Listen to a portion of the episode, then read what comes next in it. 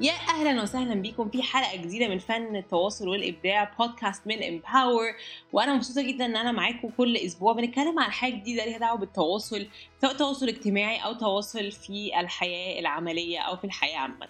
الحقيقة إن ناس كتير قوي بعتت لي قالت لي طب سارة انت بتتكلمي كتير قوي على فكرة التواصل على ال social media. طب إحنا دلوقتي بنروح presentations بنشتغل كل يوم بنعمل speeches محاضرات خطابات كل الكلام ده. إزاي نعمل حاجة كويسة؟ فقررت إن حلقة النهارده هتكون على سبع خطوات لإن أنا أعمل خطاب أو presentation المفروض الواحد يعملها عشان ينجح قوي ويوصل رسالته بأحسن شكل ممكن. أول حاجة هي إن إحنا نعرف مين الجمهور اللي إحنا بنكلمه. طب ما انت قلتي كده في ال social media قبل كده يا سارة. صحيح أي رسالة في الدنيا ليها جمهور. فأنا محتاجة أعرف كويس جدا مين الجمهور ده. محتاجة أعرف هم محتاجين إيه. محتاجة أعرف أنا موجود هنا ليه عشان هم مستنيين يسمعوا إيه. فدي حاجة مهمة جدا جدا جدا. أعرف هم محتاجين إيه. مشكلتهم إيه اللي أنا ممكن أحلها لهم في شوية الوقت اللي هيقعدوا يسمعوني فيها. طب في أي حاجة محتاجة مثلا أخد بالي منها؟ هل مثلا هم كلهم مش مصريين فأتكلم بالانجلش أو العكس؟ فدي حاجة مهمة جدا. تاني حاجة أختار الموضوع. طب يعني سارة ما كده كده أنا عارف أتكلم على إيه. صحيح ممكن تبقى عارف فكرة اللي أنت هتتكلم عليها بس الحاجة الدقيقة دي اللي أنت محتاج تعملها بعد ما تشوف الجمهور بتاعك.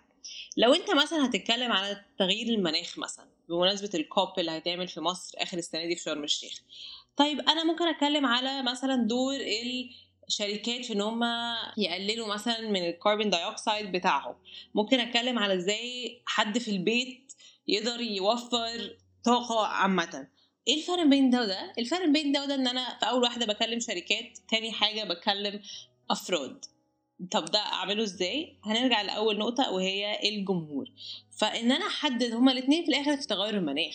بس أنا النهارده climate change. بس أنا النهارده عشان أعرف أوصل رسالة مظبوطة محتاجة أعرف أنا بكلم مين وبناء على ده أبني topic دقيق اللي أنا هتكلم فيه. فلو أنا هتكلم مثلا على ال business بتاعي يبقى أنا محتاج أكتب list من الحاجات ال business بتاعي كويس فيها. محتاجة أعمل حاجات أكتب حاجات هي الحاجات اللي أنا مش كويس فيها عشان لو اتسألت أنا كويس في إيه ومش كويس في إيه. فدي حاجات مهمة جدا. بعد ما نخلص ال topic إحنا عرفنا هنتكلم على إيه محتاجين نبحث عنه. طب السؤال هنا بقى محتاجه أبحث عنه ليه؟ ما أنا بتكلم مثلا على شركتي اللي أنا بقالي فيها خمس سنين. صحيح. طب ليه ما تعملش research على ال topic نفسه؟ ال topic نفسه والناس اللي بتشتغل في نفس ال topic واحد لازم يبقى ملم بكل حاجة حواليه مش اللي هو بيعمله بس. بعد الثلاث خطوات دي الواحد يبدأ يكتب خطاب أو presentation speech أو presentation ف الأول حاجة تتعمل هي إن الواحد يكتب outline يكتب النقاط الحديث عامة. هبدأ بإيه؟ النص وهلخص في إيه. فدي فكرة بس إن إحنا نرتب أفكارنا بيها. تاني حاجة بعد ما أعمل ده أبدأ أكتب الكلام الجمل اللي في النص. أنا خلاص بنيت الهيكل أبدأ أبني الجمل. وأبدأ أتمرن على أقرأ اللي أنا بكتبه أقرأ اللي أنا بكتبه لأن هقراه مرة هحس إن في حاجة عايزة أغيرها هقراه مرة تانية هركز على حاجة معينة. ونصيحة صغيرة كل ما تقرأ بص على حاجة يعني أول مرة مثلا ممكن تبص على الجرامر تاني مرة ممكن تبص آه الجمل طويلة ولا قصيرة زهقت ولا ما زهقتش وهكذا. والحاجة المهمة قوي برضه الواحد يعملها إن هو يبقى دقيق جدا في اللي هو بيقوله وما يطولش لأن كتير قوي سمعنا برزنتيشنز ناس بتكون جمل طويلة قوي على حاجة ممكن تخلص ثلاث كلمات. فدي حاجة مهمة قوي عشان ما ت... الناس ما تزهقش. و... وحاول إن أنت تقول قصص في النص. وطبعا طبعا طبعا أهم ما في الموضوع البداية والنهاية لأن دول أكتر حاجات الواحد بيفتكرها. فأنا النهارده محتاجة أبدأ مثلا عشان كده ناس كتير تبدأ بسؤال اللي هو ت hook الناس تلفت انتباههم حاجة يفكروا اللي هو يوقفوا كلام. وال tone الصوت بيبقى مهم جدا في الموضوع ده. والنهاية هي اللي بتبقى دايما الملخص اللي الناس كلها بتطلع منه. فده مهم قوي يبقى قوي زي البداية بالظبط. والباقي هو الهيكل. فطبعا مهم قوي آخر حاجة إلقاء بقى ال presentation أو ال speech إن الواحد ما يقراهاش كأنه بيقرأ جورنان بصوت عالي.